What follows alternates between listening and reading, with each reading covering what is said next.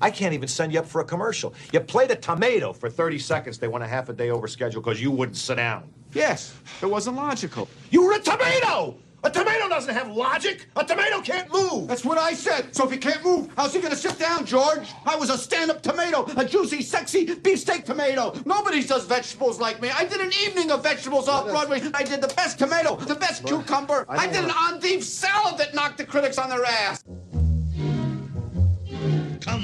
To the theater. Hi diddly dee. An actor's life for me.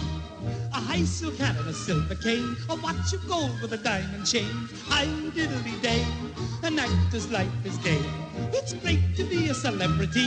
An actor's life for me. Rob on the radio comedy. Hour.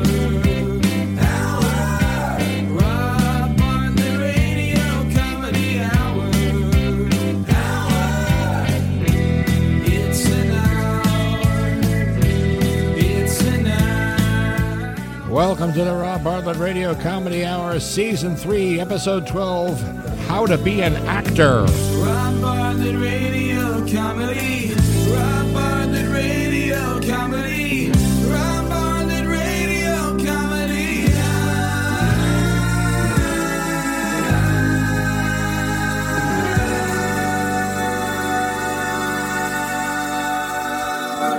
You know, one of the questions people ask me the most, the most often, boys and girls, is Robbio, because that's my name, Robbio, how do you become an actor?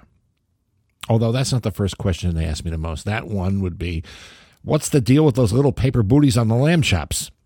But that's the subject for another podcast. But how do you become an actor is a much more difficult question to answer because there are many ways you can do that. I mean, the easiest way to do it is to say, I'm an actor. You just tell people I'm an actor. You can say it right now, and you'd be just as much of an actor as Robert De Niro or Meryl Streep. You won't be as talented or successful as they are. In fact, you may never get cast in a single play, movie, or TV show, but you don't have to do anything but say, I'm an actor, and boom, you're an actor you don't actually have to be talented to be an actor. In fact, there are working actors who have serious careers in movies that have absolutely no acting talent whatsoever. I, am saying, like Kirk Cameron, for example, or Rob Schneider, Pauly Shore, Steven Seagal,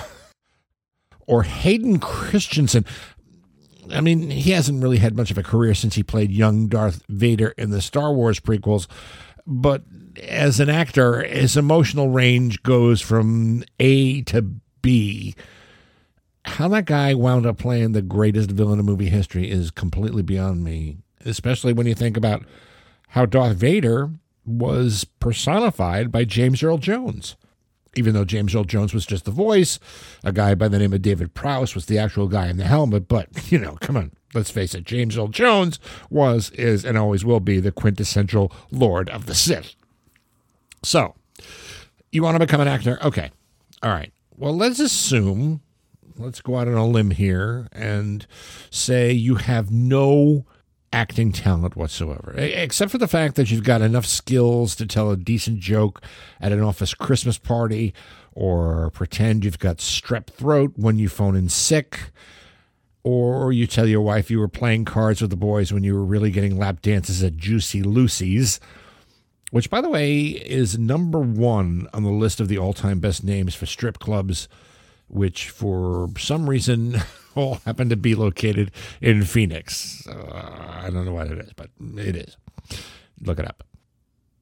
Now, before you begin your journey to become a thespian, which is another highfalutin fancy word for acting and not a sexual, you know, designation, you have to ask yourself the following question. How good am I at rejection?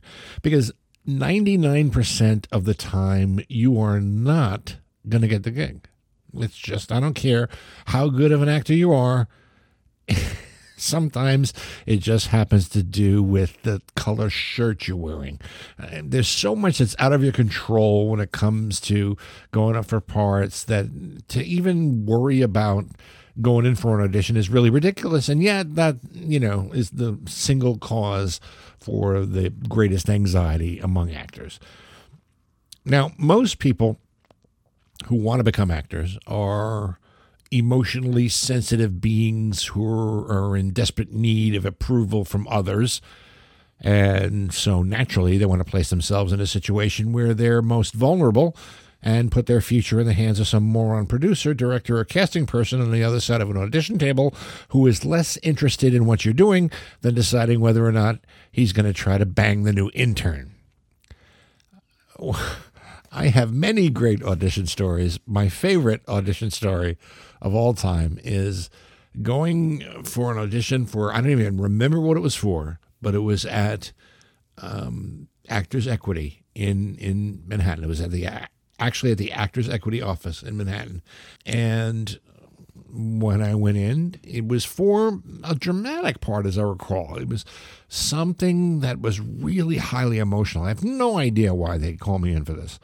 It doesn't seem to be something that would have been in my particular wheelhouse. But in any event, I was called in, and it was a monologue that had something to do with a guy who had lost his baby son to some horrible accident or something like that. And I worked on it. I worked on it for a week. I got my acting coach, Joanna Bexon, who, by the way, is the single greatest acting coach in the history of the world. One of the best acting teachers you would ever possibly find anywhere. Joanna Bexon, B E C K S O N. If you are serious about becoming an actor, look her up on the internet. She is the real deal. This lady is responsible for me getting most of the parts that I've gotten in legitimate theater, TV, and film. So um, I work on this, and, and it's a deeply emotional piece, and I'm trying not to make it cheesy. I'm trying to make it kind of real. I'm trying to make it work, you know, and I walk in, and it's always a very uncomfortable situation. There's a couple of people in the room. You know, one of them is usually the director, one of them maybe a producer, a stage manager, uh, a reader who's going to be doing the scene along with you, who has no reason at all ever having a script in their hands because they have no idea what the fuck they're doing. Um, but you know, your future is entirely in their hands because that's what you're working off of. Somebody who's holding a script in their hands, um, and I just happen to be there around lunchtime. And I come in and you exchange pleasantries, you shake some hands, and then the intern comes in with lunch and he's handing out all the little packages with all the different sandwiches and salads and whatnot, and everyone is going over it. And they're really, really like concerned with everyone getting the right thing, and everyone's very much looking forward to their lunch. And the, the, whoever was, I think the casting agent goes, no, no, go, go, go ahead. So I take a second and I say to myself, and I decide I'm just going to go ahead and do this thing that I've prepared. And I've actually worked on this monologue. And as I'm doing it, they're they're opening their sandwiches and they're eating their fucking lunch. And as I'm wildly emoting with this tragic situation of losing my infant son to some horrible situation, they're kind of and I reached the point where I actually, uh, it kind of surprised me. I actually came to tears, and they were real, and it fit, and it, seemed right. And there was a pause at the end of the monologue, and I hear a voice go, "Amazing, fabulous," and I look up and I say, "Thank you." and one of the people behind the no no no no no. I was talking about the sandwich. You're doing so well up there. so there you go. Uh, talk about your self-esteem issues. Uh, do that and, and and tell me you still want to be an actor. All right so how do you improve your chances of passing an audition and being offered a role in something well taking acting class is certainly one way uh, acting classes uh, except for the Joanna Bexon's acting classes. They're usually groups of emotionally sensitive, desperate people who have no other marketable skills, willing to pony up hundreds, sometimes thousands of dollars to sit in the dark in some rehearsal space with 20 other emotionally sensitive, desperate people and listen to some pompous person, teacher, coach who is usually a middle aged failed actor themselves. You'll spend a shit ton of money and countless hours doing sense memory exercises, which involve you pretending that you're getting a tooth drilled or eating an ice cream cone or getting your dick slammed in a car door while the teacher sits in the back reading Variety looking for open calls he can go on on the slim chance he can be cast as dead body fished from river in an episode of Law and Order SVU. If you want to go that route, be my guest. Some people find it helpful, but those are usually those people who have some innate acting talent that can be developed, but uh, we're assuming that you're talentless here. So, what else can you do to become an actor? Well, there's a couple of things you can do. First, you have to move to New York or LA. Sorry, those are pretty much the two show business capitals of the world. You might be able to do some legitimate theater in Chicago, but aside from that, you have to be resigned to the fact that you're not going to snag the lead in a Broadway musical if you live in Shawnee, Kansas. So let's pretend you're in LA or New York. You get a small one bedroom apartment in the Valley or Astoria in New York, and you have four roommates. And so, what do you do to jumpstart this burgeoning acting career of yours? Well, here are a few suggestions. One, sleep with a talent agent. A friend of mine did that and immediately got a gig as a minor character on a soap opera. He also got a wicked case of chlamydia and had to have his urethra replaced twice, but he's been an actor ever since. You you might not end up an actor, but you will get yourself a talent agent, which is very helpful in procuring auditions for acting jobs that are somewhat better than those which require the wearing of a giant rubber head at an amusement park. The personal price for getting an agent may be a little higher. Did somebody say whoring yourself out? Which might have a slightly negative effect on your self esteem, but if you're going to survive in the acting business, you're going to have to get rid of that particular character trait. There is no such thing as self esteem when it comes to being an actor trying to get a part. Now, another thing you can do is get a rich relative who likes you enough to back a project you want to star in. This method requires two things one, a rich relative who likes you, and a project, either a play or a screenplay or a TV pilot where do you find these things? You throw a rock in a subway car in New York City, and chances are you'll hit six people who have scripts they've written for their genius theatrical explorations in two acts about life that just happen to be in their backpacks.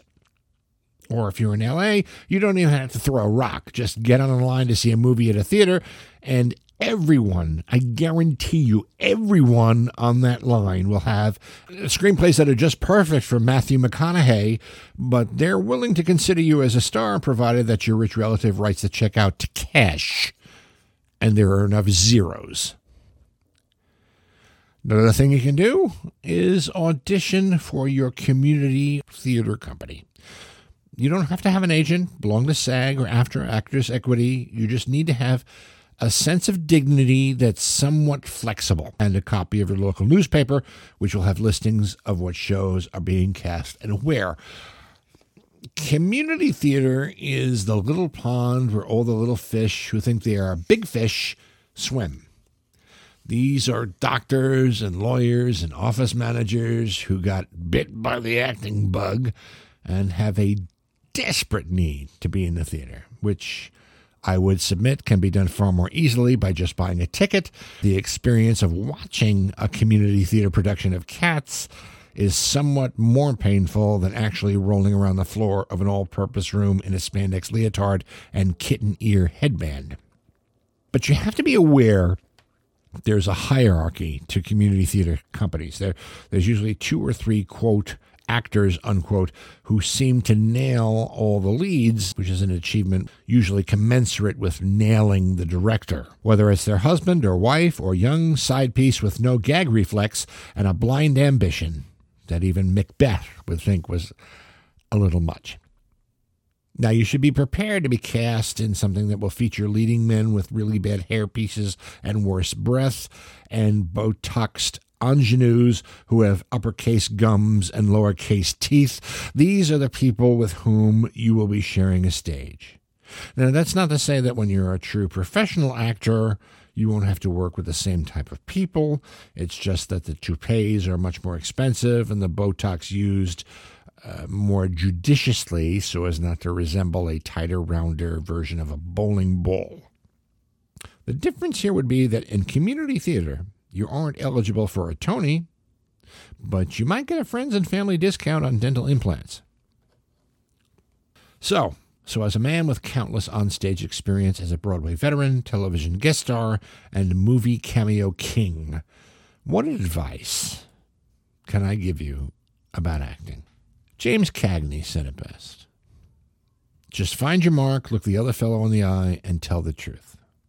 But Joseph Conrad, who was a novelist and not really a theater guy or, you know, an acting guy, he said, Life is short, art is long, and success is very far off, which is pretty on the money. I mean, both those statements are true. If you're willing to endure the rejection and the criticism and the soul shattering experiences of baring your soul in front of total strangers, and you're willing to stick it out and wait for your acting career to take off, I salute you and wish you the best. Because there's a school of thought that believes that persistence is the only secret of success. Never give up, and it will happen, as long as you don't mind dealing with the odd case of chlamydia. But I guess that's what it means to suffer for your art. You have a visitor, Mr. Loman. Stop calling me Mr. Loman! If you want to know what's going on in Robbio world, check out the Rob Bartlett Radio Comedy Hour Facebook page or our Twitter account at the Robbio. On Instagram, Rob Bartlett Radio Comedy or Robbio007. Uh, and you can always drop us a line. Uh, email us at Robbio Radio Comedy Hour at gmail.com. Spread the word, tell your friends and family about us. Click the subscribe button wherever you downloaded this episode go to Apple Podcasts and leave us a good review. It helps get the word out to other podcast followers. I say this every week. Would you people just fucking do it? Just do it for me, please. All of you who are out there who are listening to this podcast, it doesn't take much to do that, and it goes such a long way to helping people find us on the fucking podcast networks. I'm sorry. I was acting, by the way really serious acting. Our program is produced by Gary Grant and me, Rob Bartlett. Actorized by me, Rob Bartlett. Written by me, Rob Bartlett, along with the great Andrew Smith. The Rob Bartlett Radio Comedy Hour theme music and lyrics by Gary Grant, recorded and performed by Steve Mecca. All stunts were done by me, Rob Bartlett. Mr. Bartlett's wardrobe by Botany 500. No animals were harmed in the production of this podcast. We'll see you again, boys and girls, on the next Rob Bartlett Radio Comedy Hour. And until then, be good to each other, won't you?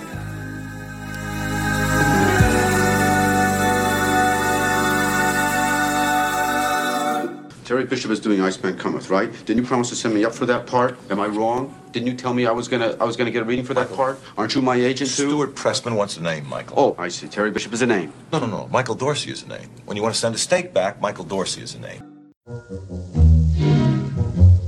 Come on to the theater. Hi diddly dee. An actor's life for me. A high silk hat and a silver cane. A watch of gold with a diamond chain. Hi diddly day. An actor's life is gay. It's great to be a celebrity. An actor's life for me. Turn out di di di dum. Diddy up da dum da dum. Di dum di di dum da dum. Di dum di di di dum da dum. Rum di di di da. Dilly um dilly um da da. Rum di di da da da. Rum da da da da. Hi diddly dum. An actor's life is fun.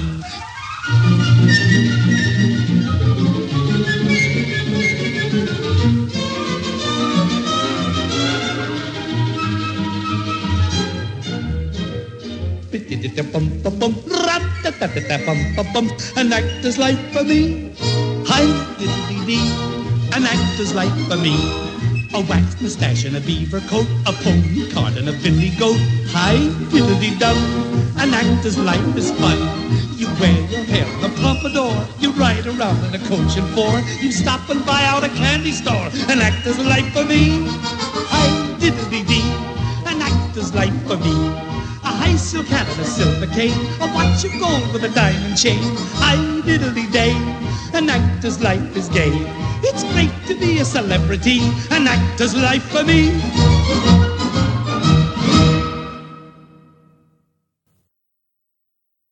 Depressing enough. You look great. How do you feel? I feel surprisingly well, Stone. Thank you. So well that I'm going to make a prediction. Now, usually it takes me two or three takes just to warm up, but tonight I predict we'll get it on the first take. We always get it on the first take. We have to. You do? Sure, this is live television. Live. Live. What does live mean?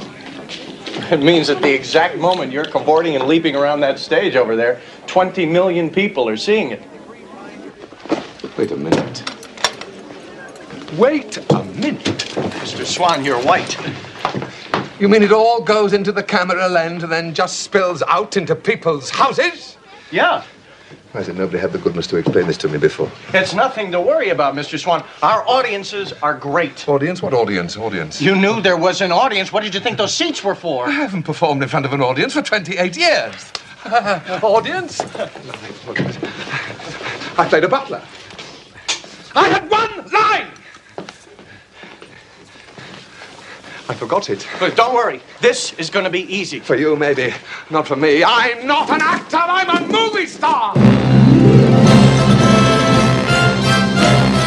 Five minutes to air. Ready for the boss hijack.